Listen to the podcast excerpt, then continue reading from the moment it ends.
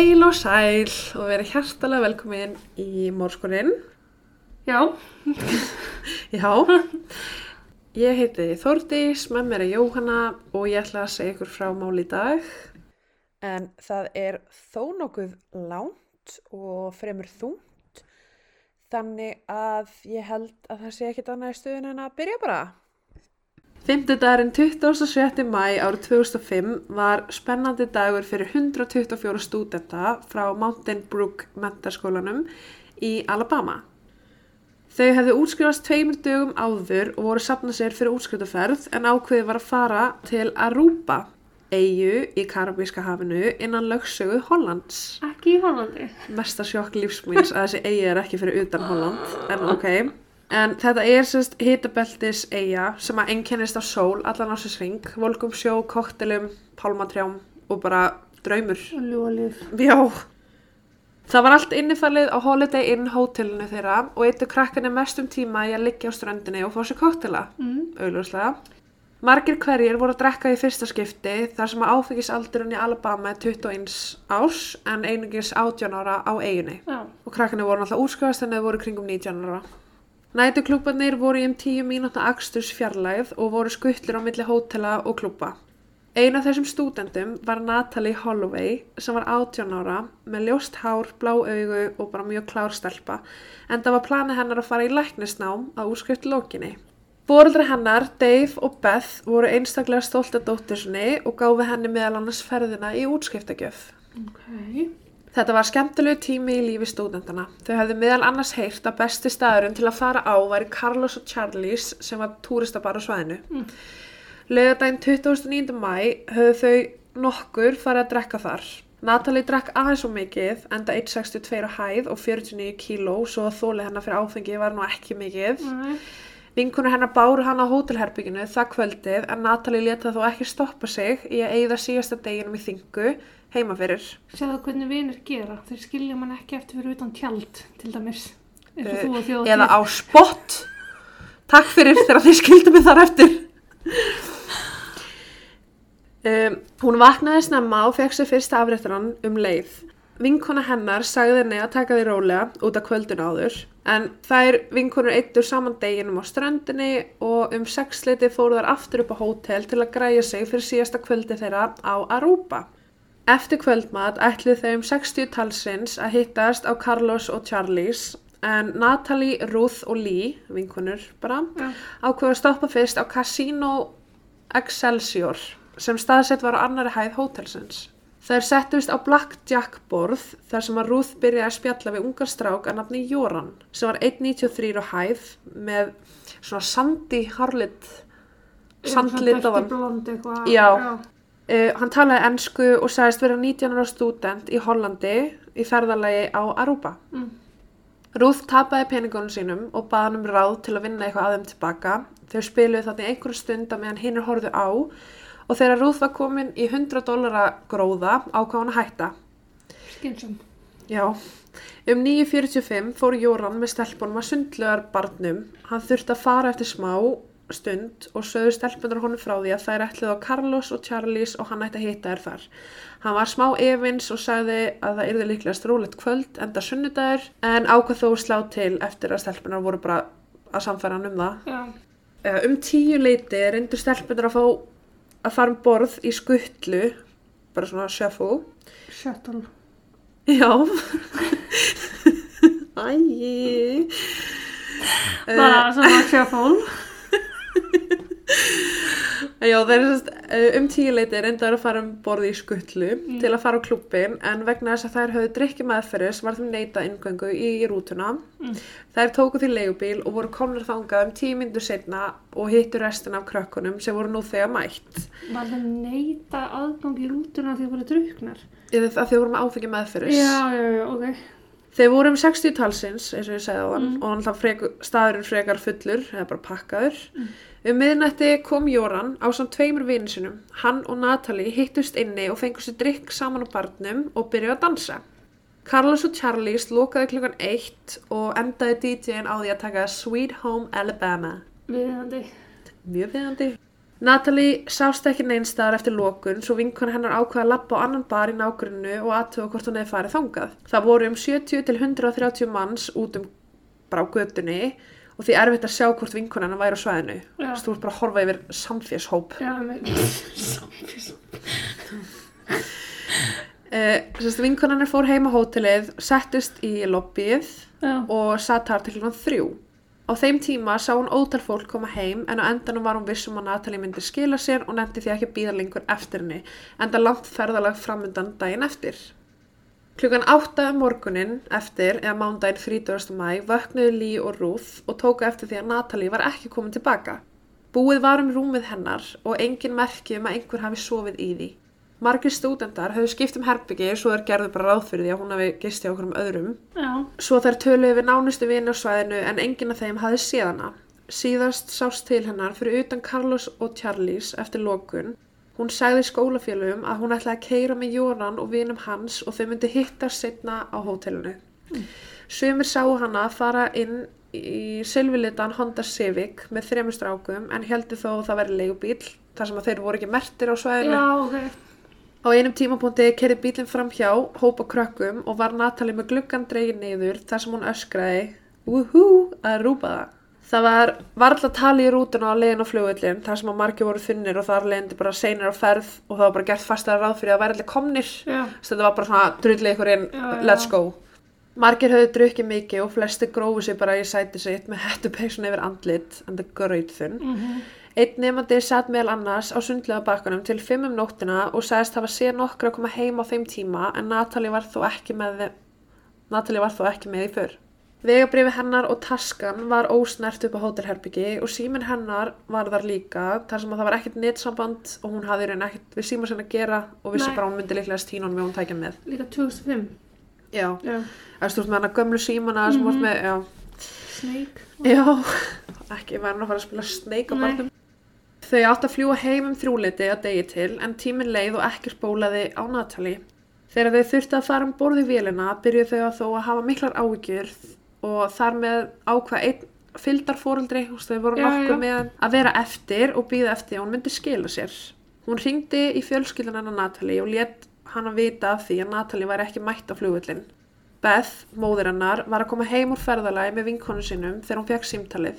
Hún brunaði beint á flugvöllin en á leiðinni var hún stoppuð á lauruglunni fyrir að keira hratt. Þegar hún útskýri fyrir lauruglum manninum hvers vegna var henni sleft og í leiðinni gaf hann henni símanúmer hjá FBI aðila sem hann þekkti. What? Já, get næs. Já, Hún held að fyrir sinna áfram og tók fyrstu vel til Aruba. Þorraðamaðurinn sem ákvaða að vera eftir fór beint á lauruglustöðuna og sagði þeim frá því að Natalie hafi síðast sérst í bíl með þremur strákum og hún hafi ekki mætt upp á hótelu sitt nýja flugvillin eftir það. Lauruglan var þó frekar róleg og sagði að manneskja þyrfti að vera týnd í minnst 24 tíma til að hægt vera að lýsa eftir henni en skuti þó inn að hún væri líklegast bara að skemmta sér eða hún hefði átt í skyndikynnu við ykkur strákana á staðnum en það verði vel þekkt á þessari jam eigu. Beth fór á Holiday Inn hótelið þar sem að Natalie sá síðast með Jóran og spurði fyrir um hvort hann var gestur á hótelinu. Hún fekk þær upplýsingar að hann var ekki túristi heldur byggjan á svæðinu og var mikið þekktur fyrir að spila póker á efri hæðinni og reyna við konur sem voru að ferðast þarna um svæðið. Hún fór því á efri hæðina í kasínóið og fekk að sjá myndbarsuptökur frá kvöldinu. Hún tók mynd á honum úr eftirleysmyndalinni já, fór svo og gekk ströndina í vonum að einhver kannast við hann. Hún bauð einhverjum úlingum á svæðinu 100 dollara fyrir að gefa henni fullt nafn á heimilisfang hjá þessum gæja. Hann var Joran van der Sloot og var ekki 19 ára, heldur 17 ára mentaskólanemi í Aruba.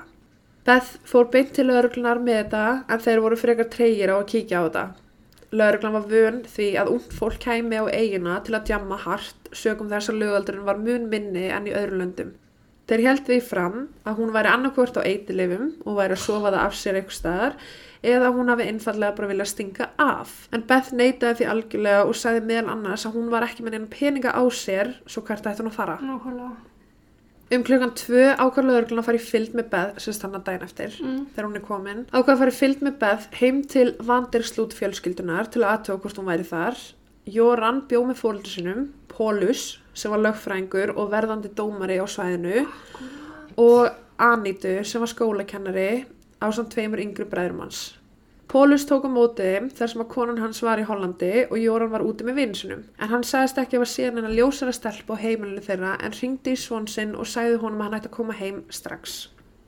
Jóran kom fljótlega í fylgd með vinsunum, Deepak Kalpoi, Kalpó, Deepak, bara. Sem hafði einni verið með honum kvöldi áður. Jóran neitaði að þekkjana en sagði svo á endanum vegna þristings frá Beth að þau hafi verið að reyna við hvort annað þetta kvöld.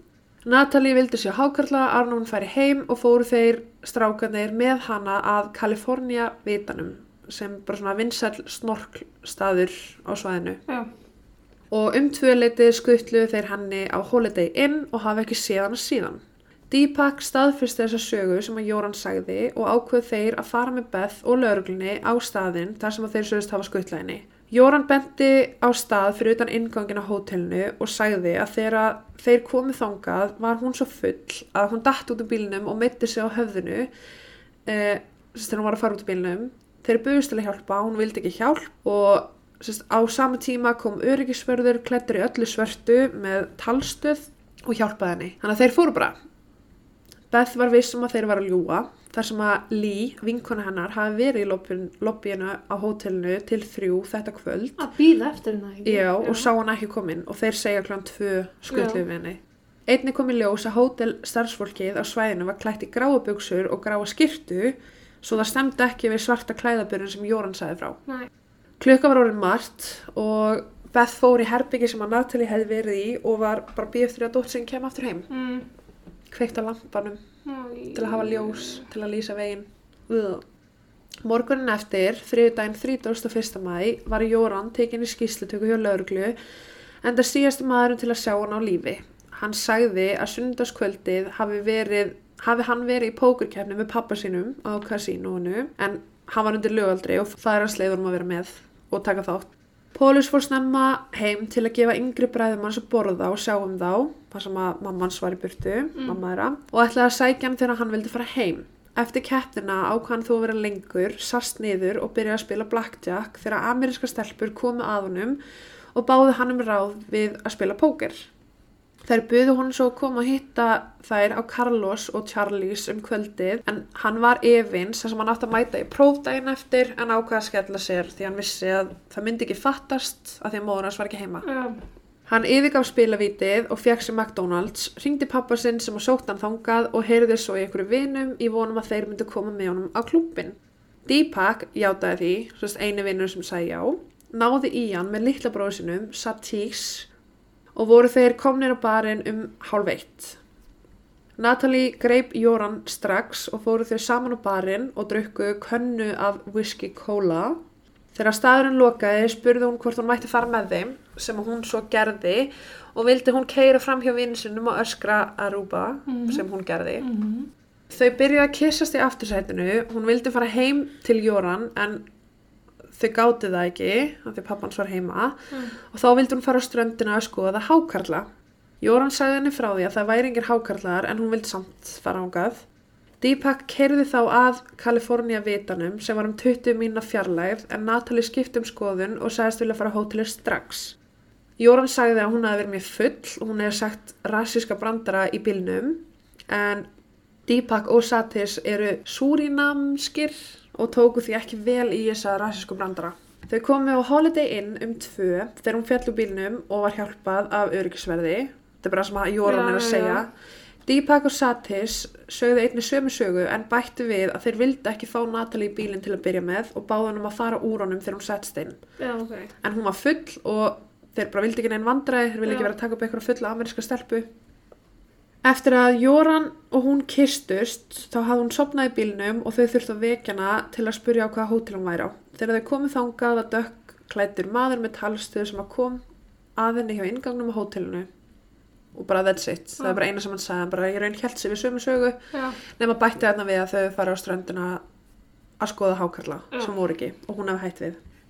Leitina henni hélt það áfram og sett voru upp vegspjöld af henni í vonum að einhver myndi kannast við að hafa séð hana. Nokkri á svæðinu töldu að hún væri neita fíknefna og hún gæti verið bara hardcore tjammi ykkur starf væri bara vökunni Sem var ekkert í hana karakter. heim langt í frá. Nei, Já. Þar leiðandi fór lauruglan í nokkur dóphús á svæðinu að leita henni, en bara ekkert fannst. Miðvikudaginn 1. júni kom fadir hennar á svæðið og byrjaði að leita henni með móðurinnar. Þau voru skilin og áttu bæði sikkur á makan. Já. Þau fóru á Carlos og Charlies og fengu sjá myndband úr eftirlýsmyndalum þetta kvöldið og sáu einni að staðurinn var pakkaður af ungum krökkum að drekka. Mm. Sérst yngri en aldurstakmarkið. Þau bara eitthvað, uh. Já, ok. Einni voru margir á svæðinu sem bauð þeim að kaupa fíknefni svona eins og fer til Bindorm. Já. Me? Já. Það var fullt af þannig fólki eh, en það var sérst ströng regla í Arúpa að það væri banna að bjóða túristum fíknefni á svæðinu en það heldur túristar bænum uppi og því mátti ekkert gera til að missa þá í burtu. Þannig að það er, bara, það er lög og það er bara að þú mátt ekki bjóða túristum fíknefni af því að þá vilja ekki koma aftur að peningum. Mm Sem ógislega fyndið. Lörglan fekk myndbans upptöku frá hótelinu og ekki sást neginn Honda Civic keira þar um, nér sást í Natali koma á hótelinu þetta kvöld. Það staðfyrsti því að strákunir voru ljúa. Hversu vittlausir? Já, þú veist bara, býtt bara. Mm. Ok. Þeir breytið þá sögunni og sögðu frá því að þeir hafi skuttlað henni á annað hótel. Öryggisvörður í nágranni Vitans var yfirheyrður og sagði frá því að þetta kvöld hafi verið mjög rólegt, tæpir tíu bílar á svæðinu en engin grár Honda. Jóran Dípak og Satis voru þá strax orðni grunar menn en það lígur ekki saklust fólki svona málum. Nei, nákvæmlega. Fymtudaginn annan júni var byrjað að leita henni fótgangandi um eigina. Mjög margir komið fram og sögðu að henni hefði líklegast verið rænt af fíknefna sjálfum á staðnum. Það er bara mikið um fíknefni hennar. Ok. En það er það löglegt í Hollandi og þetta er undir hollenskri lögsögu. Já. Leit var gerði kringu vitan sem strákunar höfðu sagt frá sem gerði borgarbúa frekar reyða. En þetta var svona attraction staður fyrir túristarsvæðinu og þar lendi er búið að taka þetta af það er verið að leita þarna og þá heldur fólk bara eitthvað shit, það er ok, nú eru túristar fyrir að vera hrættir, þeir eru ekki að fara að koma. En bara, þess, Já, þessi eiga snýst bara um Já, já, túrista. Einnig að fjölskyldin út 50.000 dólarar verðlaun fyrir upplýsingar. Förstu daginn 3. júni, tæpum 5 dögum frá því hún sá síðast, komin ábyrning um að ljósar amerísk kona, hvernig vist hún sé amerísk, en ok, Mm. passaði við hennar lýsingu, hafi sérst hjá hraðbanka en hún fór um borð í Kia, sedan. Kia. Margi reyndu að keira um og finna bílinn en sá sem fann hann bílinn, Já. þetta er ekki stórt Nei. og það var eitthvað fréttamenn sem bara, wú, ok, Já. let's go. Uh, hann sérst fann bílinn og eldi hann að einhverju húsi, hann á svæðinu. Þeir fóru að bílnum og fundu tvær konur og einn mann vera að reykja cannabis með barn í bílnum. Új. Barasta. Já, ljósara stelpan var amerísk en var öðruvísi byggð heldur en Natalie. Uh, bílinn alltaf bara tók eftir að það var alltaf eitthvað fólk veist, að fylgjast með þeim. Já. Þannig að hann, bílinn kerði burtu og þeir alltan í annað hús. Þar sem fólki satt í bílnum í stæðinu í 40 mínútur þar til að maður kom út með hafnaboltar kilfu og ógnaði þeim sem að eldan. Þú veist, hann bara hljóp út með hafnabolt kilfu. En þau voru handtekinn fyrir það að ógna fólki og í ljós kom að það var ekki Natalie. Nei, ok.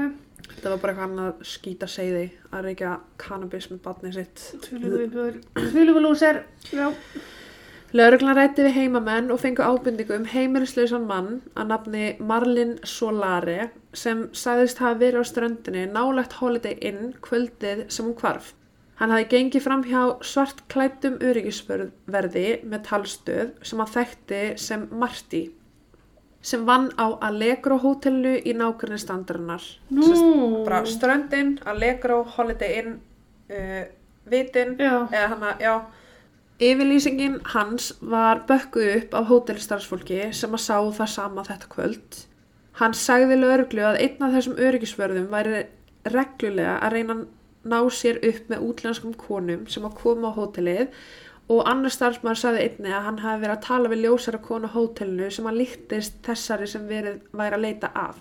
En þau áttu að hafa lappa saman að ingágnum í spiluvitið. Ok. Sérst þessi maður sérst á strand, strandinni lappa að Holiday Inn, fer inn á Holiday Inn og hittir einhverju ljósara stelpu þar. Ok. Og hann er svarklættur með talstöð. Þannig að það stemmir alveg við sögustrákana.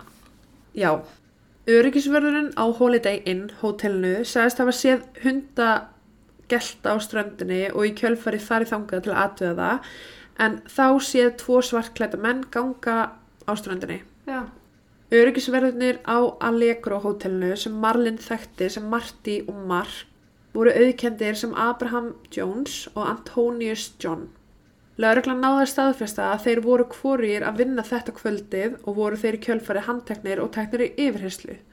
Þeir voru í öryggisvarða búninginu sínum Já, og þeir voru ekki að vinna.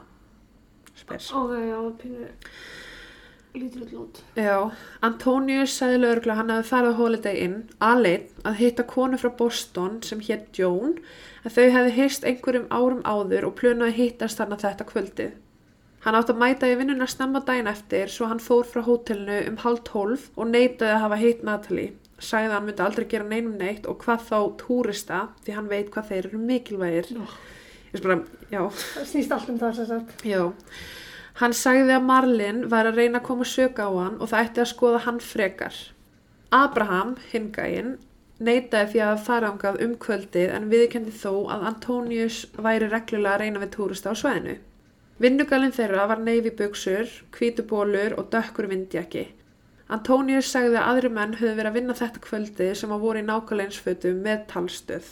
Þannig umröða þrjá örugsvarði sem er að benda hvernig annan. Nei, þetta eru tveir öryggisverðir. Ok. Þetta er heimilsleysum maðurinn sem Já, sá þá ok, já, og starfsfólki sá þá já, og nú eru þeir að segja, ok, þú veist, að benda hvernig annan. nei, þeir eru að segja, eitt er að varna, hinn var ekki, Já. sem staðfyrstir, þeir segja það sama, en þeir segja að gæðinni sem voru actually að vinna á Allegro hótelinu voru nákvæmlega klættur á hann, þannig að það gæti verið að það sé verið að tala um þá. Ok, ok, ok. Þeir eru reyna að benda á, En Aruba er undir hollenskri lögsögu og þar leindi gilda hollensk lög, Mm. en þá má halda mönnum í alltaf 116 daga með dómsúrskurði.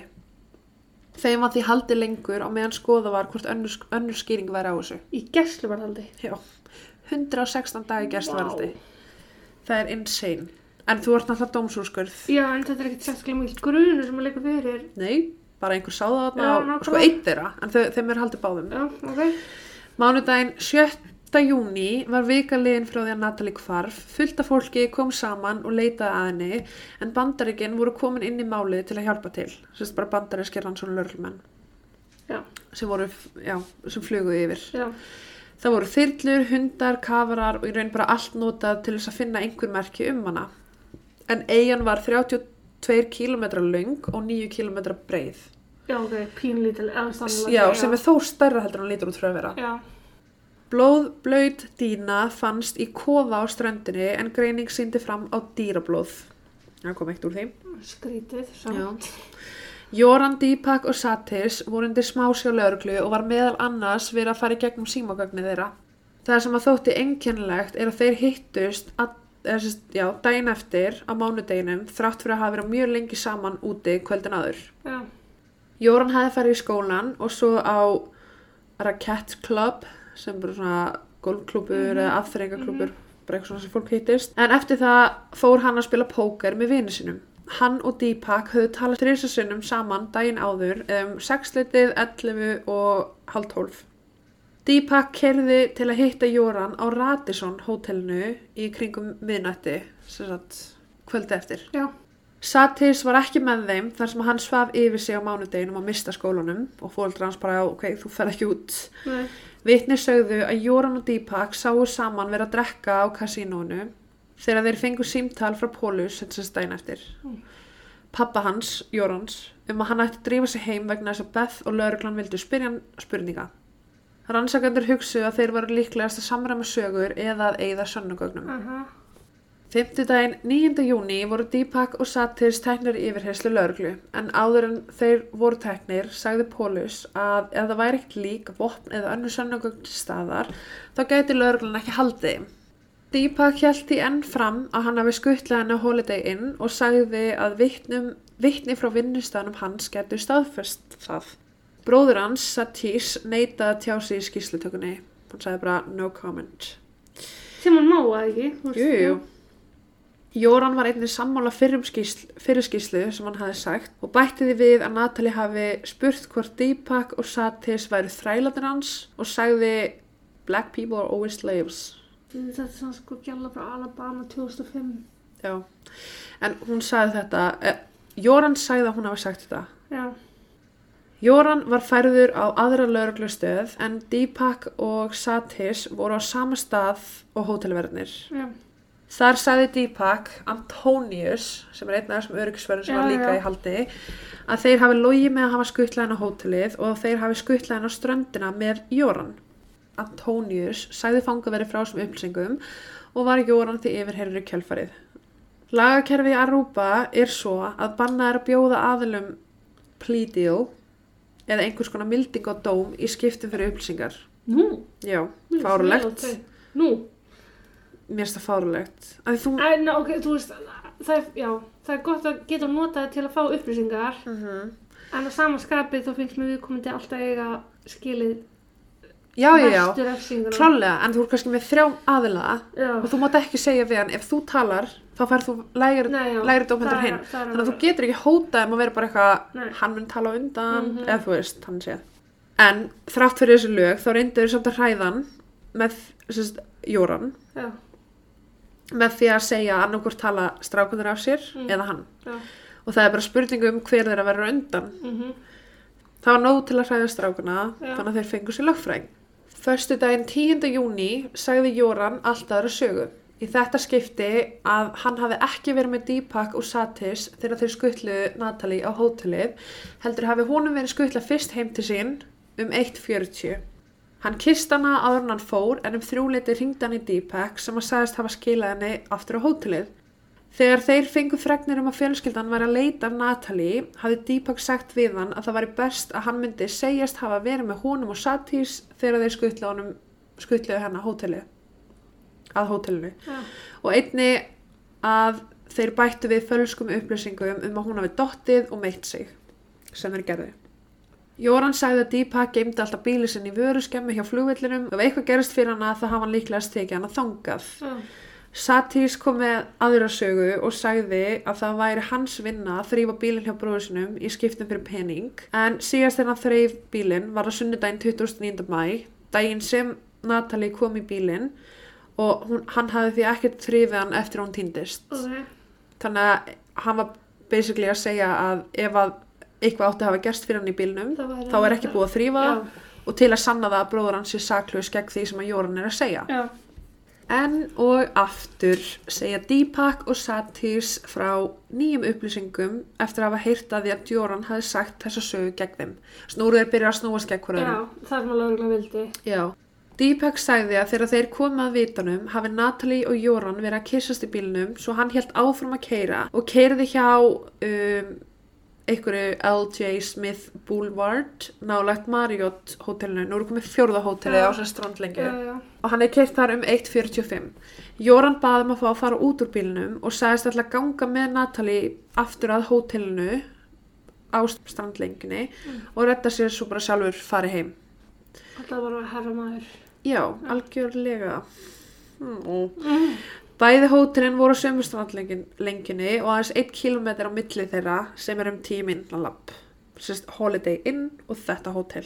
Einhver tíman á milli 2.45 og 3.15 ringdi Jóran í hann og sagði honum að hann var á leiðinu heim. Sérst hann var búin að skila henni af sér og væri að fara heim. Já, Jóran uh, sagði að hann og Natalie höfðu farið að synda en hún hefði sopnað á ströndinni svo hann ákveða að skilja hana bara eftir þar og gekk heim. Ekki svo mikill herra maður. Nei, ég veit ég hólaði, herra maðurinn.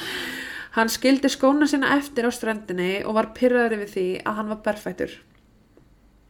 Eftir símtalið sendi hann honum skilaboð Deepak Mm. til að segja að hann myndi vera online innan skams til að spjalla við hann á netinu. Það er bara svona online fórum eitthvað Já, og það er bara eins og MSN já, basically, tala við MSN á eftir. Aðeins setna fekk hann skilabóð frá Jóran að þakka honum fyrir að býða eftir honum og þeir tveir ákveðu að hittast kvöldi eftir. Sérst að býða eftir honum á MSN. já, Deepak sagði að hann hafi skilabóð til að sanna að Jóran væri að ljúa með að þeir hafi skuttla honum heim áður en Natalie fór á hótelið og sagði einni að hún hafi ekki verið blindfull, heldur bara nokkuð eðlileg með við full, aðrar fullar manneskjur. mm. Þess, þeir eru alltaf að breyta sögunum Já. en þeir segja samt ekki hvað gerðist en alltaf áttaði á því með Deepak og Satis Mm. að pappi Jóran er bara einhver big shot gæi já. þeir eru innflytjendur Já, og er í miklu verri stöðu heldur en hann Já. þannig að ef að Jóran actually gerði eitthvað þá eru þeir aldrei að fara að kjafta því þeir eru alltaf að fara að lenda skýtnum og þeir vita það bara Já. Deepak neita einni að hún hefur sagt rasist komment við bræðunar hann sagðist aldrei að heyrta Nú, ok. Já, og hann vildi meina að Jóran hafi logið þessu til að taka augun af honum sjálfum og til að fela það að Jóran hafi nauðgað henni. Nú er alltaf komin þetta inn. Satir sagði einni það nákvæmlega saman Deepak með smá ósamræmi en Deepak sagðist hafa stoppað til að pissa á leiðin heim en Satir sagðist ekki mun eftir. En þannig eru þeir tveiri sikkur lægi að segja frekar svipaða sögu. Já, ok. Og það er sérst að þeir hafi skuttlega hann á ströndina, Mm. skilið Jóran og hana eftir Já. og farið heim. Já. Besti vinur hans Jóran að nafni Freddy Satan var yfirheyrður og sagði að á mánudeginum eftir að hún hvarf hafi Jóran sagt honum að hann hafi sótt ameríska stelpu og tekið hann af vitanum áður hann skuttlega hann á hótelinu sinu. Þetta var þýðingum mikið fyrir lauruglu þar sem að hvarf hennar var ekki þekkt á þessum tíma svo Jóran hafði enga ástæði til að ljúa vinnu sinum hvað þið gerst. Já, nákvæmlega. Daginn eftir, þriðudaginn 31. mæ, hafa hann sagt Freddy að Natalie væri týnd og viðurkendi að sagan um að skuttlina hótelinu var lígi. Hann sagði að hann og bræðinir hefðu tekið hana á strönd nálægt Marriott hótelinu en hún hefði verið svo full að hún sopnaði. Þannig að strax er hún orðin týnd og hann er strax að breyta sögunni sér í hag Nákvæmlega. í þessa sögu sem hann sagði lögreglu sem að hann held sig við. Já. Þeir ákveða að skilja hana eftir af því þeir vissi ekki hvað annað þeir ætti að gera. Jóran sagði honum frá því að hann hefði skilið skónu sinna eftir en þessi skór voru mjög vinsalir meðal táninga á svæðinu og ef hann hefði skilið þá eftir í sandinum hjá hótelinu þá var ekki sens fyrir hann að fá það aftur. Það er alltaf eitthvað sem kemur og tekja á. Já. Hann sagði þá, hann, hann hefði átt að vilja taka á með sér af því að gangan heim til hans tekur 45 mínútur og hvers vegna ákveður að skilja skónaðin eftir og ganga berfættur heimtíðin gleymir ekkert að taka skónaðinu með nema að séu átökuð eitthvað hafa gerst ég myndi alltaf aldrei að labba berfætt 45 mínútur. Mjög spes. Hann lög einni að lauruglu með skóstærð en hann sagðist verið í númeri 14 sem að reyndist ekki rétt en það var bara í 10 þú veist einn að reyna að vera big shot gæi Þetta leiti til þeirra kenningar að hann hafi láta skóna hverfa vegna þess að það var mögulega blóð eða eitthvað tengt Natalie á þeim en það voru þetta dýriskór og ófáanlegir á svæðinu. Hann var því búin að plana fyrirfram til dæmis ef það finnst skófar einhver staðar að þá var ekki hægt að reykja til hans. Og því hann sagðist að- verið í stað 14. Já, að, neða, hann sagðist verið skóstar 10, nei 14 en Já. var í 10. Fyrrum kæristur hans voru yfirheyrðar og einn þeirra sagði meðal, meðal annars að hann væri frekar grófur þegar kemur kynlifi og væri frekar siðlaus. En einu sinni hafa hann látið kæristuna sína fá strætópenning til að fara heim eftir kynlíf. Basically bara þau voru að chilla, já og svo bara herðið hvort að fara. Já, Og hann sko fylgdi henni að hurðinni svo hún færi pottit út. Ok. þú veist, hún var alltaf búin að klæða sér buksur þegar hann var bara, hér er klink, nú ætla ég að lappa með þér á hurðinni, bless. Og þetta var kærastan hans. Já, smart. já, hann var með mjög slæmt skap og fóreldrar hans reyndu meðal annars að senda hann til sálfræðings til að reyna að laga það. Mm. vildu bara að hann yrði þessi herramaður eins og pappan sér Mánudaginn 13. júni var Abraham og Antonius hótelvörðunum, öryggsvörðunum, sleftur haldi eftir að fjárvistasönnin þeirra var staðfest. Ok. Sérst að kom í ljós að eitthvað var heima og það kom í ljós að hinn var að hitta Jón, ljósari konuna á Bandage, hótelinu. Já, já, ok. Jóran var hrættur um að bræðurnir væru að fara gegn honum og sagði hann því enn og aftur nýja sögu af atbyrðum kvöldsins. Minn. Hann sagði að þeir hafi skuttlað sér á strandina og hann hefði ætlað að stunda kynlíf með henni áður, hann, áður en þau færi á Holiday Inn. Skórnarnas voru fullir af sandi og þá tók hann þá af sér hjá Marriott hótelinu svo löðust þeir niður hjá Fisherman Hut, svona já, já. sjókomi með eitthvað. Þau byrja að kissast en Jóran var ekki með smokk á sér og því vildi Natalie ekki sofa hjá honum. Smart girl, já. Þau gerðu þó annað en um þrjúleitið sagði Jóran henni að það væri tími til að fara heim. Þú veist, Hann var að fyrir prófdaginn eftir og hafði ekki tíma í það. Hann er búin að fá það. Hún neitaði því og hann reyndi að halda á henni, hún neitaði að fara heim, Já. hann reyndi að halda á henni en hún vildi ekki leiða um það og á endanum sopnaði hún í sandinum. Jóran hringdi þá í Deepak um að koma að sækja sig og kom hann stuttur setna með tveimur hundum í bandi.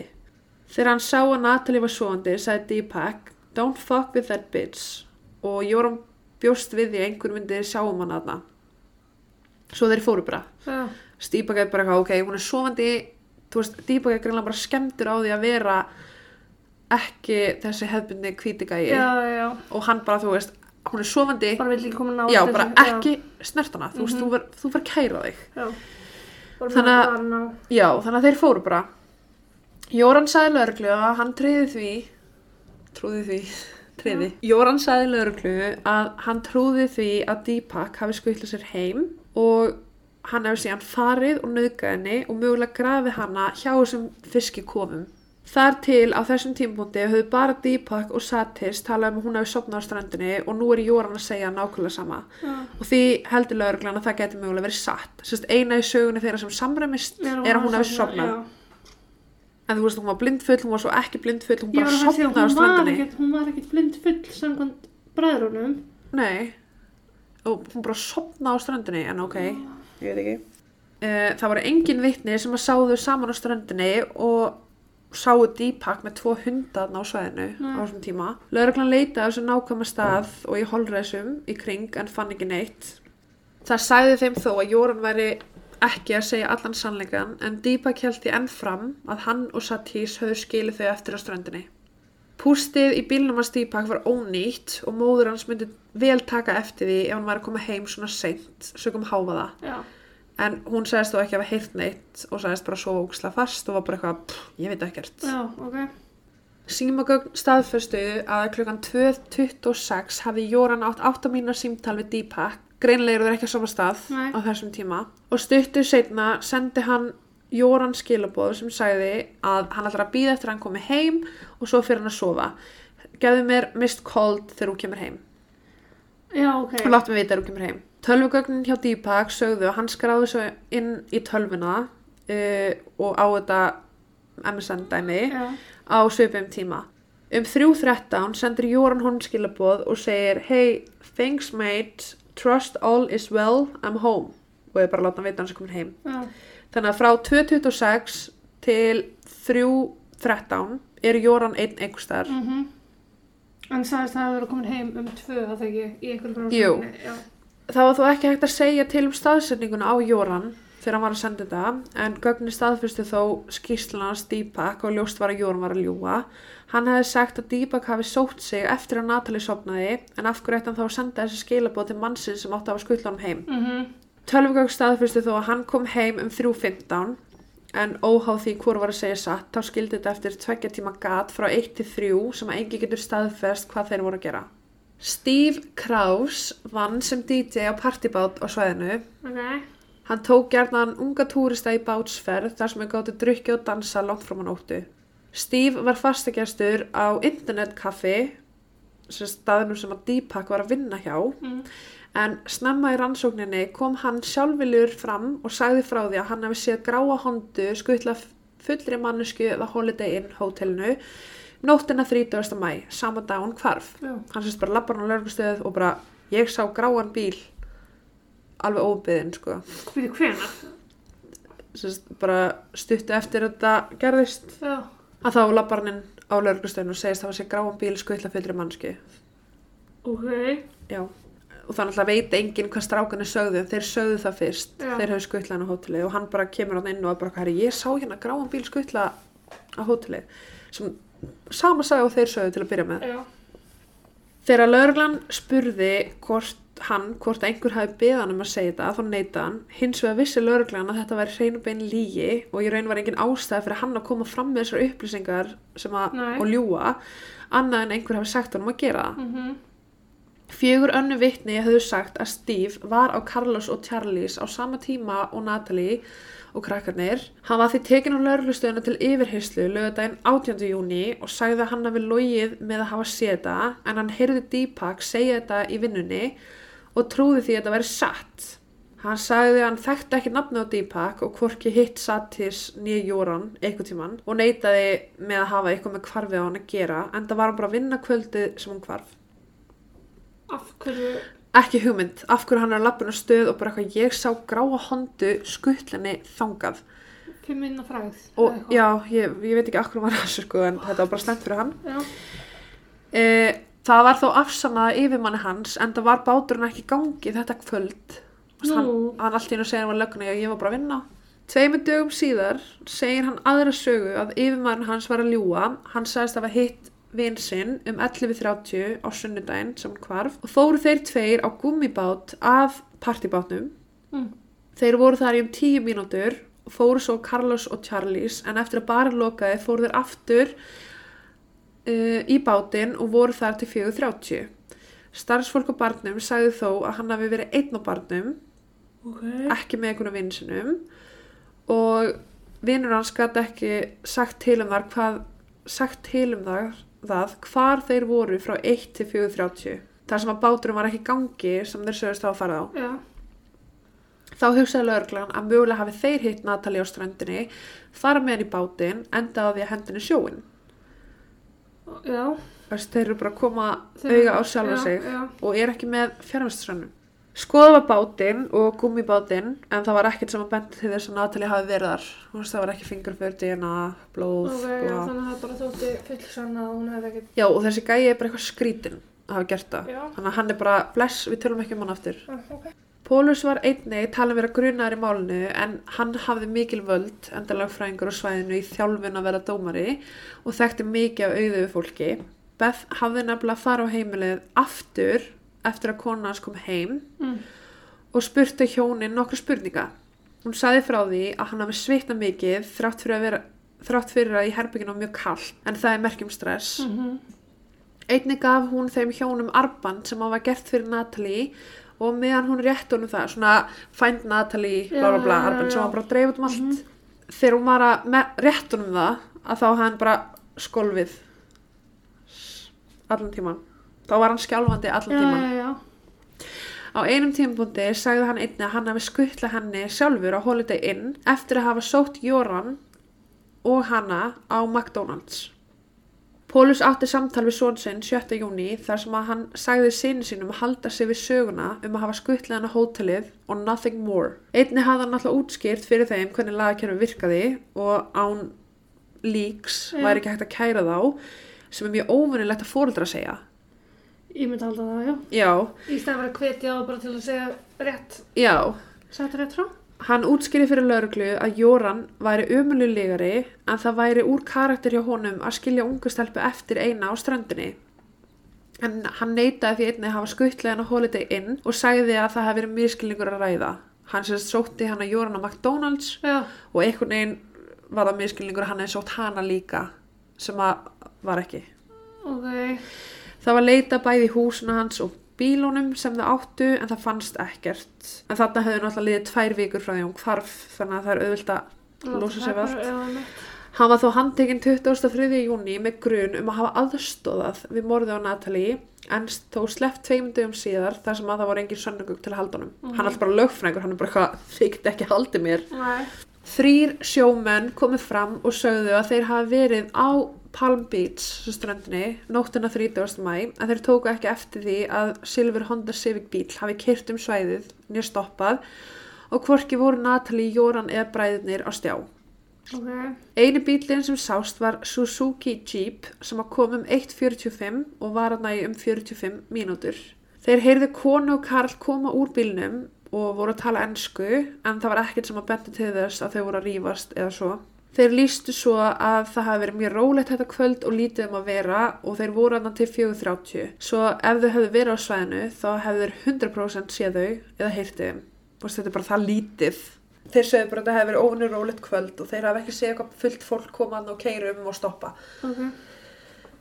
Uh, þetta stangaði á við sögunars Jóran enn og aftur sem sagði að hann hafi varlega heyrt í Deepak þegar hann var að tala við hann í síman vegna þess hversu hvast það var. Sérst, Jóran sagði eftir að Jóran og Natalie fóru út í bílnum, Já. Deepak, hún sopnaði, Já. Jóran, Deepak kom og sótt hann, þau fóru heim, en hann sagði sérst að það hafi verið svo hvast að hann heyrði varlega hvað Deepak var að segja í síman. Ok. En þeir segja að þetta hafi bara verið algjörlega friðsælt og Já. það hafi ekki svona verið vindur. Þannig að það er ekkert víst að hann hafi verið að hann vissi ekki eins og hvernig viður aðstæður væru. Mhm. Hann sagði einnig frá því að hann sá ekki Suzuki jeppa á svæðinu, heldur þá bara enginn á ferð að hann sögn, sérst Jóran. Já. Deepak, Satis og Jóran voru þá settir í lauruglubreið saman með upptökutækja myndavél eitt kvöldið til að fara með þá sérst alla á einan lauruglustöð og þetta var bara gert viljandi og það var vonað að þeir myndi kæft einhverju eða Já. segja eitthvað, þeir eru alltaf búin að fara gegn fyrir öðrum Já. og þeir vita það alveg Jóran sagði meðal annars af hverju þetta segja að við kerðum að vitanum þegar við gerðum það ekki mm. og Deepak sagði við gerðum það Jóran sagði einnig að Deepak hafi sagt honum að hann vildi nauðga stelpu og svaraði hann því hver er að fara að trúa þig núna þú lífur svo mikið valid Já, rannsakandur voru vissir um að þeir væri að leina upplýsingum en bræðrunum var þó sleppt 4. júli því að það var engin réttland ekki að halda þeim lengur en Jóran fekk auka 60 daga. Eðlilega, já, Já. Um miðjan júli var par á göngu þegar þeir komið auga á svart duct tape með ljósum hárum. Það var sett í rannsók til Hollands en í ljós kom að það var ekki hárið en að Natalie. Mánudaginn 18. júli fundu kafarar tunnu í hafinu nálægt Marriott hótelinu og vangaveltur hófust um hvort líkið geti verið ofan í tunnunni mm. en í ljós kom að hún var full af steipu sem er ennþá meira spes já. Og ég veit ekkert hvort þeir actually brutu upp steipuna til að finna hvort það var bein inn í. Ég trú ekki öðru. Ég veist bara hverju ætti verið tunna full af steipu í hafinu? En ok. Heimilislaus maður kom fram og sagðist hafa séð eitthvað halda á því sem að leita út fyrir að vera líflaus líkami. Hann sagði nákvæmi staðsendinguna en margir dagar voru liðnir og það var mikið magn af rusli á svæðinu. Það var bara eitthvað svona landfill dæmi það var þó leita með hundum og það kom ekki til ljós.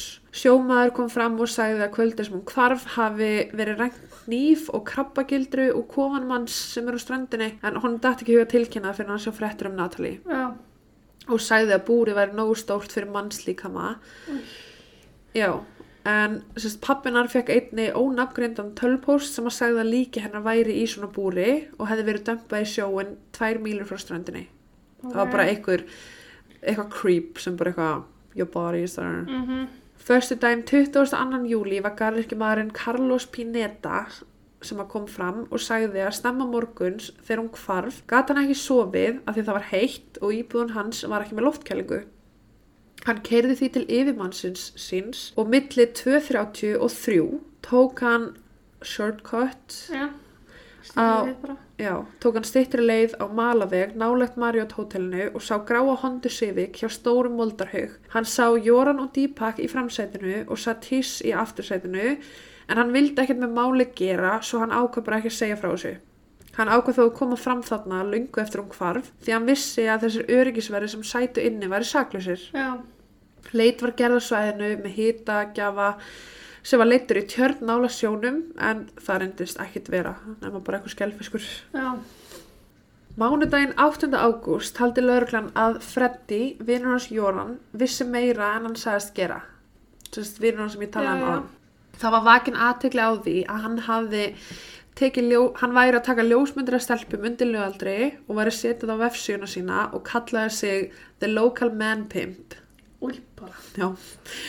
Förstu daginn 27. ágúst var hann handtekinn fyrir grunum kynferðislega glæpi í vonum að hann myndi segja frá meira um Natalie.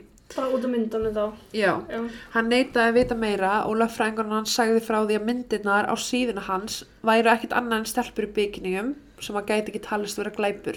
undir aldri Já. Samt. Viku eftir þetta var Jóran sleft þar sem að það bara var ekki lengur raukstunningur til að haldunum. Það var Mm. bara ekkert, hún bara hvarf sporlaust. Tveimur dögum eftir honum var sleft þá fór hann frá Aruba og flutti inn á fjölskyldumælum í Hollandi og fór í háskóla. Þrýr mánuður voru liðnir frá hvarfi Natalie og ef líkinu var hendi sjóin hefði það líklegast verið komið að ströndinni, skila sér aftur, eða fundist í leitunum sem víða hefði verið allar þessar vikur. já, Í raun var bara ekkert sem að fannst og leiti allt út fyrir bara hún hafa gufað upp. þannig að það er heldur ekki almennilega að vita hvað hún sérst síðast annað en bara í bílnum Síðastæðurinn sem hún sést. já, með þeim hann að þegar hún er hann ei að rúpa. Þetta mál fekk miklu umfjöllun og í raun bara vissu nánast allir hvað var í gangi. Dave fekk meðal annars símtal frá konu sem að sagðist hafa verið á hótelinu þetta kvöld sem hún hvarf og hún hefði séð eitthvað konungsborin vera að reyna við unga ljósara konu. Hún hugsaði ekkert um það og yfirgaf eiginu daginn eftir en það vildi nefnilega svo til að Saudi prins var á svæðinu en það kom ekkert meir úr þessu. já, ok Það var ekki hún. Þetta er greinlega bara Natalie var eina ljósara konun á svæðinu þannan dag, já, samkvæmt öllum. Í desember 2005 var amerísk kona nafni Tracy Ellen sem hafði samband við fjölskylduna en hún hafði verið hana í mæ sama ár og hún kvarf. Nýju dögum áður en Natalie kvarf var Tracy í morgunskokki með fram ströndinni um 6.30 hjá Marriott hótelinu. Þegar hún kom að fiskikonum var nakin maður sem kom að henni og reyndi að ráðast á hana. Hann hjælt um hendurnar og ætlaði að draga henni inn í bíl sem var lagður rétt hjá með hurðinu opna. Hún náði þó að losa sig undan og öskra hjálp en við þar hættist maðurinn og let sig hverfa. Hún hafði sagt lörglinn frá þessu og hugsa hvort mögulega þetta gæti verið tengt kvarfinu á Natalie. Já. Tracy gerði skýrslu hjá lörglu og einnig var útbúin skissa af því hvernig maður leit út en hún líst honum sem cirka 25 ára með dögt svona yfirbræð, svart hár, skegg með glerugu, ringla andlit og augun í læginu eins og mandla. Já. Ok, veist, já, ég veit ekki, þetta er skrítið lýsing. Engi kannast við myndina og nokkru viku setna gerði lögreglan svona line-up. Hún bentir strax á mannin. Þeir voru sem bara með myndir í svona line-upi og hún bara eitthvað, "Hå, það er þessi.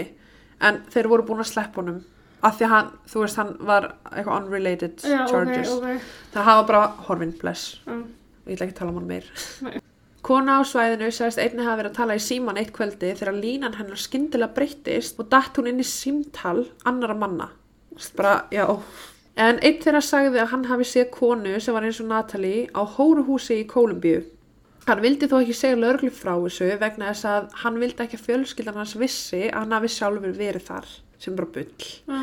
Önnu kenning var hún hafi verið viðrán mannsali. Uh, í stuttumáli sögðu var maður á svæðinu að nafni Paul B. sem átti vefsu, sem var svona klám með eitthvað drasl. Já. Uh, í samtölum hjá strákunum við einhverja vinn sinna kom í ljós að þeir voru að stunda það að taka stelpur með sér upp á herbyggi og taka myndir og myndbutaðum, stunda kynlíf og eitthvað og senda á hann og fá pening Ok. og hann byrti það. Ok. Uh, og þar með var haldið fram að strákunir hafa mögulega gert það en af hverju ættir að fara ströndina þar sem er bæði, veist, þetta er ekki professional videos eitthvað, dæmi. Þú veist, bara tæknin er líka ekki til staðar, ertu bara með myndælinn í aftursætinu bara tilbúin. Uh, en þeir vildu meina að þeir hefðu þá frekar tekið hann upp á hótelherbyggi taka myndir en þú veist, það var ekkert. Já, ok. Já. Það kom einnig í ljós að þegar Jóran kom heim, kvöldi sem hún hvarf, fór hann beintin á klámsíður og hlóð niður einhverjum klámyndböndum, engum þeim sem að síndi fólk stunda kynlifi í aftursætt á bíl eða í rútu. Já, ég veit ekki hvað fantasi á hann Sunnudaginn 3. februar árið 2008, tæpum þremur árum eftir hún hvarf, kom fram myndskeið í fréttum þar sem að vinur hans Jóran, Patrik Van Durham, hafði tekið hann upp í leini. Patrik hafði samband við fréttastöð og sagði að hann trúði ekki að því sem að Jóran hefði, sagt Mm. og hann, það var ákveðið að hann fengi 35.000 dólara fyrir að ná einhverju upptöku um Natalie Ok. frá honum. Já. Hann setti upptökutæki bílinn sinna á samt myndæl og yfir fimm daga náðan 20 tímum af efni. Þeir keirðu um spjöllu og reyktu kannabis og endanum játaði Jóran að hafa stunda kynlíf með henn á ströndinni þangu til hún fekk flóakast og dó. Það var hún fekk flóðkast. Já, og dó. Hann hafði nota svona almenningssíma á svæðinu Mm. til að ringja í vin sinn að nafni Dóri sem átti bát og tók líki út á sjó. Eftir það labbaði hann einn heim. Hann sagði við Patrik að hún væri auglustlega dáin og hann heldur að hann veri aldrei tekinn fyrir þetta og hann er ekki að tapa svefni á þessu og hann er ekki að hugsa um þetta, hann bara líf like goes on Ó, frábært. Og hann sagði ég er bara ótrúlega heppin með að líki hefur aldrei fundist eftir að þetta kom fram í helstu fréttamilum sagði Jóran að hann hefði logið þessu til að heitla Patrik en Patrik var fyrrum fangi og mikill viðskiptamæður og Jóran leit upp til hans og sagði það sem hann heldi að Patrik hefði vilja heyra Já.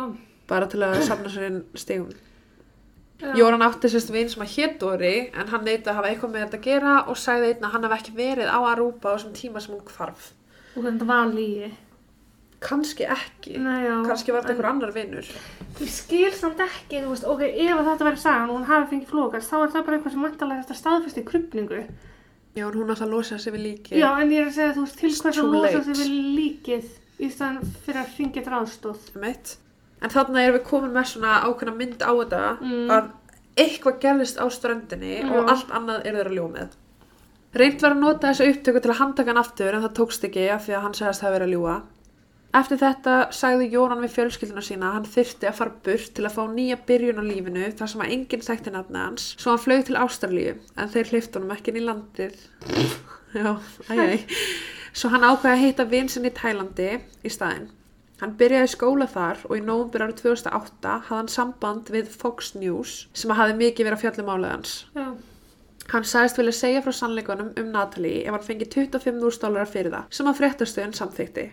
Hann sagði, þess að þau flugu yfir til hans í Já. Thailands og tóku viðtala við hann. Hann sagði að í februar árið sem hann hvarf hafa hann verið á spilavíti í Aruba þegar maður á þrítusaldri hafi komið að honum og búið honum 10.000 dólara fyrir að redda sér ljósara stelpu. Maðurinn sagði ekki hvað hann ætlaði að gera við konuna en hann spáði lítið í því. Fyrir hann að þrejum mánuðum síðar þegar hann hitti Natalie, hann í mæ og tal, og taldi hann að vera frábæran kandidat fyrir hann pening. Hann ringdi mannin fyrir framan hana, fyrir alltaf tölu hollensku, hún skildi ekki, en hann sagði honum, sérst maðurinn sagði honum að fara með hann á ströndina sem hann gerði. Þar kom bátur og Natalie fór um borð og held að þau var að fara saman að skoða hákarla, en hann skildi við hana þar og maðurinn sildi burt með hana. Jóran ringdi þá í Deepak til að koma að sækja sig en Deepak var upptekinn við að tala við kæristunum sína og sendi Satis til að koma að sækja hann. En í staðin gaf honum bræður honum 1000 dollara hver fyrir að halda kjafti. Pappi hans komst að þessu og sagði honum að hann þyrfti að hafa staðfyrstöku á greiðslunni sem hann lögð inn á hann sem hann sagðist hafa. Hann let fréttamenn að fá þetta svo staðfyrstökun á greiðslunni og þeir náttúrulega bara fóru aftur tilbaka, voru að búið til sögu og svo bara eitthvað sendu hérna þetta í greiningu Já, og þá kom í ljós að þetta var bara fake transaction. photoshopaði eitthvað. Já. Ég, Eftir að fréttamenninni fóru sendi Jóran skilabóð fréttastöðina og sagði að hann hafi logið þessu öllu, hafi búið söguna til fyrir peninga og til að hefna sín á neikvæðri umfjöllun sem hann hafi fengið frá sér tilgrændu fréttastöð. Bara eigða tíman með þeirra. já, basically, Og svarta hann 25, nei, hann fikk 25 úr stólara og hann greinlega lærði að því síðast að með vinsinn sem hann sagði eitthvað í bílnum sem ég held að hafi verið sannleikur Já, þú veist, eftir það var hann bara hann ég var að ljúga og þá ekkert að gera. Og þarna nákvæmlega sama hann sagði bara ég var að gera þetta fyrir pening. Það geta ekki notað þetta gegn mér. Jóran bjóð þarna í Tælandi og vinur hans sem heimsótti sem hann heimsótti kynnti hann fyrir leið til að græða mikl peninga á stuttum tíma fyrir litla vinnu. Þar með eitti Jóran kvöldunum í Tælandi með að segjast vera umbósmaður módelstofu í Hollandi og nafnir hans var Murphy Jenkins sem vildi fá dansara til að koma og vinna í Hollandi. Hann gekk einnig svo langt að vera með fölsun afspjöld. Í raunveruleikunum voru þessar konur neittar í kynlífsvinnu. Fyrstu vikur var hann að monta sig við vinsina heima í Aruba og sagðist að hafa fengið nokkra konur og 13.000 dollara fyrir hverja þeirra. Hann eitti peningunum sínum í að kaupa kaffihús á svæðinu í Tælandi sem var bara auðvildra fyrir hann til að finna konur. Já. Hann var eigandinn og allir bara, ú, jú sexy. Lítið. Fréttamaður kom upp faldri myndavel á hótelherbyggi þar sem að Jóran sagði einhverjum konum að þær geti unnið alltaf 15.000 dollara á dag í Hollandi við að shake their asses. Konunnar settu fram 100 dollara í pant bara til að fá gögn til að komast til Hollands Já. ólögulega. Í november var þó fréttamaðurinn sakar um að hafa komið konunum fyrir í þessu hótelherbyggi til að láta hann segja þessa hluti og það var dæmt ónótæft. Hvað er gæja að fá? Af því hann er þarna á fölskum fórsöndum eða eitthvað svo leiðis. Hann held þó áfram að ferðast um Asju og, kepp, og keppa á pókamótum. Þar kom hann meðal annars fram í viðtali fyrir peninga og tók lega próf. Þar sem hann sagðist hafa farið með Natalie í partí en hún hafi tekið svo mikið kókain að hún hafi dottið fram á svölum. Hins vegar var það talið lígi af því að polygraph var bara, Af því að, nei, bara lega prófið hans uh, sagði að það væri ekki rétt hjá hann. já, fyrir utan það. En, Uh, í februar 2010 var Pólus, fadir hans, að spila tennis þegar hann fekk hjartaafall og bókstala datt niður döður. já, ok. Ekkert meira um það. Nei.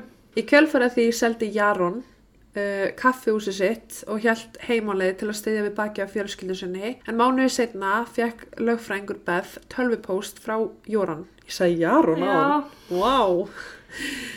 Eh, þar sem að hann sagðist til að segja þeim allt það létta og hvar hún væri niðurkomin fyrir 250.000 dollara. Þar sem að fjölskyldan hans væri í fjárhagsvandræðum eftir að fara hans dó. Beth fór með þetta til FBI sem að ákveða að gefa hann greiðslu gegn upplýsingum en vildi þó ná honum á mynd, myndbansaupptöku til að kæra hann fyrir fjárkún. Mhm. Þeir vildi sérst bara ná myndi á hann taka við peningnum Já. og þá er eins og hann sé að fjárkúa Já, eitthvað til að geta handtekja hann. Þeir vissi bara að hann var að fara að ljúa. Mhm.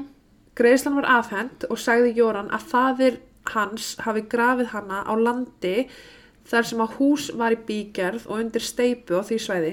Bara einhverjum húsagrunni þá. Já, það kom ekkert úr því og í ljós kom að það var ekki eins og í byggingu þetta hús á þeim tíma sem hún hvarf. Þegar FBI ætlaði að fara að handtaka hann fyrir fjárkún var hann farin úr landi sem voru bara einn mestu mistök sem hann voru gerð. Já.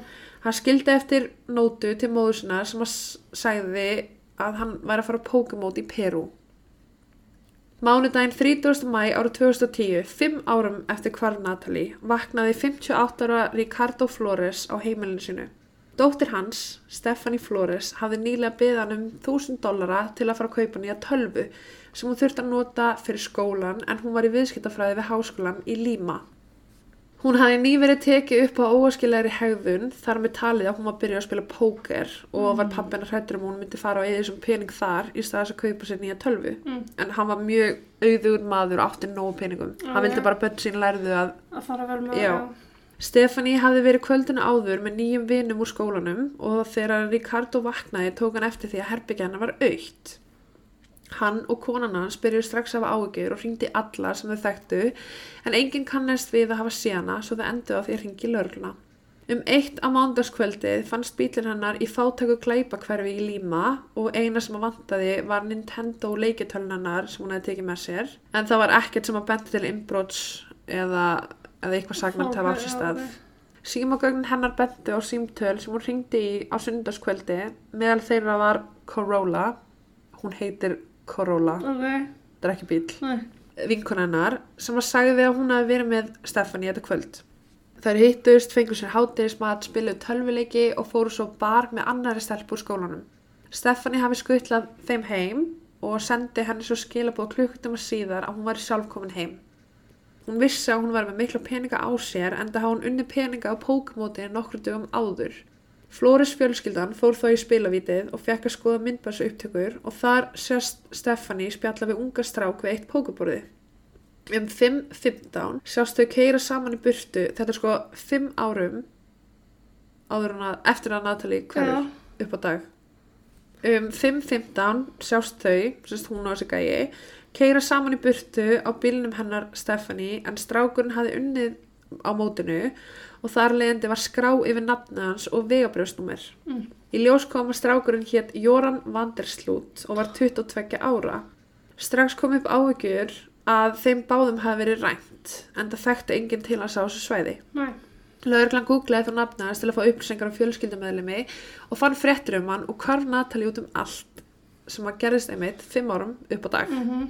Úslega símbelt, löggan að googla. Já, símtal kom til lögreglu frá bara einhver svona budget hóteli á svæðinu sem að sagði að þau hefði ekki séð einn gestin sinn í marga daga og reikningunum væri komin tvo daga fram yfir. Uh, sérst, kona sem að hringdi ákvað sjálf að fara inn í herbyggi 309 til að aðtöga hvort hann væri nokkuð slasaður þar Já. En svo var ekki, heldur hvernmannslík sem að lá í blóðu sinna á gólfinu í herbygginu á samt tómu veski. Líki var að Stephanie Flores. Jóran var settur í alla fjölmela og eftirlýstur fyrir morð. Í ljós kom að hann var komin allaveg til Chile en hann hefði fengið far með tveimur mönnum frá Lima. Þeir sögðu að hann hefði ætlað að borga um 500 dólar á mann fyrir að taka sangað en það 15 klukkustunda ferðalag. Já. En þegar þeir kom á svæðið virkaði ekki kortið hans og svo hann gaf þeim bara einhverja munið sem þeir gáttu selt, bara Ok. úrið sitt og eitthvað, síma sinn. Já. Fimmtudaginn 3. júni var vegfærandi sem að var nokkuð viss sem að hafa séð hann í leigubíl á svæðinu í, í Chile og hringd á lauruglu og viti menn, þetta var hann. En hann hafði raka hári sitt og lita brottana appisnugula. Hann samt kannaðist við hann, er ótrúlegt. Hann getur ennþá verið bara fugitive núna. Ljósherður maður sem að stendur út úr krátinu í þarna og svo núna með appisungult hár. Já. Hann sagði lauruglu að tveir menn hefði brotist inn á hótelherbyggja hans og þóst vera lauruglan, heimta peninga og, hann, og að hann hafi náðu að stinga þá af en hann skildi Stefani eftir. Hann flúði land vegna þess, vegna þess og viðkendi að hafa hitt hann á pókumóti nokkru dögum áður. Hann sérst flúði land að því voru tveir spilti lauruglumenn sem að brutust inn og ætlaði að ræna hann og hann bara I'm out of here og skildi hann eftir og bara what? Ég veit ekki hvað gerist Og vildu að meina að lauruglumennir hefði drefið Hanna, Stephanie? já, Ok. hann sérst viðkjönd að hafa hittur á pókumóti nokkru dögum áður hún hefði verið áhugasum um hann og bað hann um aðstóð við að spila. Þau drukku saman tíu drikki og reyktu gras og endið á því að fara upp á hótelherbyggi hans til að spila póker í tölfunni þar sem hann ætlaði líka bara henni að spila póker. Hún hafði hins vegar séð skilaboð já, sérst, þetta er það sem hann er að viðkjöna sér núna. Já. Hún hafi hins vegar séð skilaboð sem að send voru til hans sem að stóð I will kill you, you mongolite Ég er ekki að segja þetta íslensku af því þetta er ekki mín orð, þetta er kvót Sæði hann að þetta hafi verið tengsli við Natalie Holloway en þegar hún googlaði nafna hún alltaf í tölun að spila uh, þá var hún skyndilega hrætt og ætlaði að fóra sér burt Mm. Hann sagði það frá því að hún hafi lamið hann og hann hafi verið hálfrangaður og myndi ekki eftir hvað þið gerst nema það að hann var að kirkjana og meðal annars sló hana einu sinni. Eftir þetta fór hann út á kaffihús, keipti sér kök og kaffi, kom aftur upp á herbyggi og átt það þar Já. á meðan líkið hann að lága gólunu. Hann er það seflindur. Hann tók svo peningan hennar, kortin, bílinn, kerið burt. Réttameina fræðingur sagði þó að áverkanir hennar voru allt aðrir en hann hefði líst en hún var lamin til dauða og það var ljóst að Jóran hafði ekki reykt kannabis. Nú? Já, sérst, lögin eru nefnilega þannig í Perú að ef maður er undir áhrifum áfengir sá dæmt vægri refsing. Til dæmis eins og þóku kendur ásendingur á Íslandi Já. og sögum ölaðis og þá er færði vægri refsingu fyrir að vera ekki heill þegar það gerist, já. Þannig að hann raun vissi það og var að reyna að nota það að hann hefði reykt kannabis til að fá vægri refsingu. Mm -hmm. En hann, það var ekkert í blóðun hans. Byrja, hún deyr í Peru og hann flýr til Chile og er að... Hann er handtekinn og færið til Perú. Já, ok, ok, ok. Jónan var sendur í 20 ári fangilsi í Perú og látum borga 74.000 dollara til Flores fjölskyldunar og sérst meðan hann var í fangilsi þá hóf hann samband með 25 ára Lady Figurera sem var að heimsækja fjölskyldumæðlum í fangilsi í Perú og þau hittust þar Mm. og þau eignust barn og giftu sig. Hvernig fá þau að fá þau bara svona herbyggi Já. inn í fangilsinu? Uh, ok. En já, fjölskyldan sótt um að fá hana úrskurinn að látna uh, svo þau myndu hætta að borga líftryggingu Byrja, var hann ekki útskurður látin? Natalie. Ah, fyrir ekki, að sjálfsögðu. Sérst, já, fjölskyldan sótt um það svo þau væri ekki lengur að borga líftryggingu og hún átti sérst svona skólastyrk Já. og þau vildu fá þann pening til að koma bróðurinnar í skóla. Síðasta vísbendingin hvað varðaði Natalie var þegar TJ, spæjari á vegum fjölskyldunar, fann mann að nafni Gabriel sem að sagði honum að fyrrum herbyggisfélagi hans, John Ludwig, hefði verið vinur Jóran og vissi nákvæmlega hvað gerist fyrir Natalie. Gabriel sett upp valda myndavel í herbyggeira og náði því á upptöku hvaði gerst. Jóran spækaði drikkin hennar með GHB sem er bara svona hættulegt partíefni sem að róar tilfinningu líkamannum og kemur fram kynferðsleiri kvöld. Þetta er bara eins og, Henni var bara byrlað. já. Natalie fekk ofstóran skamt og kapnaði á ælinu sinni á ströndinni. Mm. Jóran ringdi í pappa sinn sem hjálpaði honum að grafa hana bak við hús nálægt hótelinu.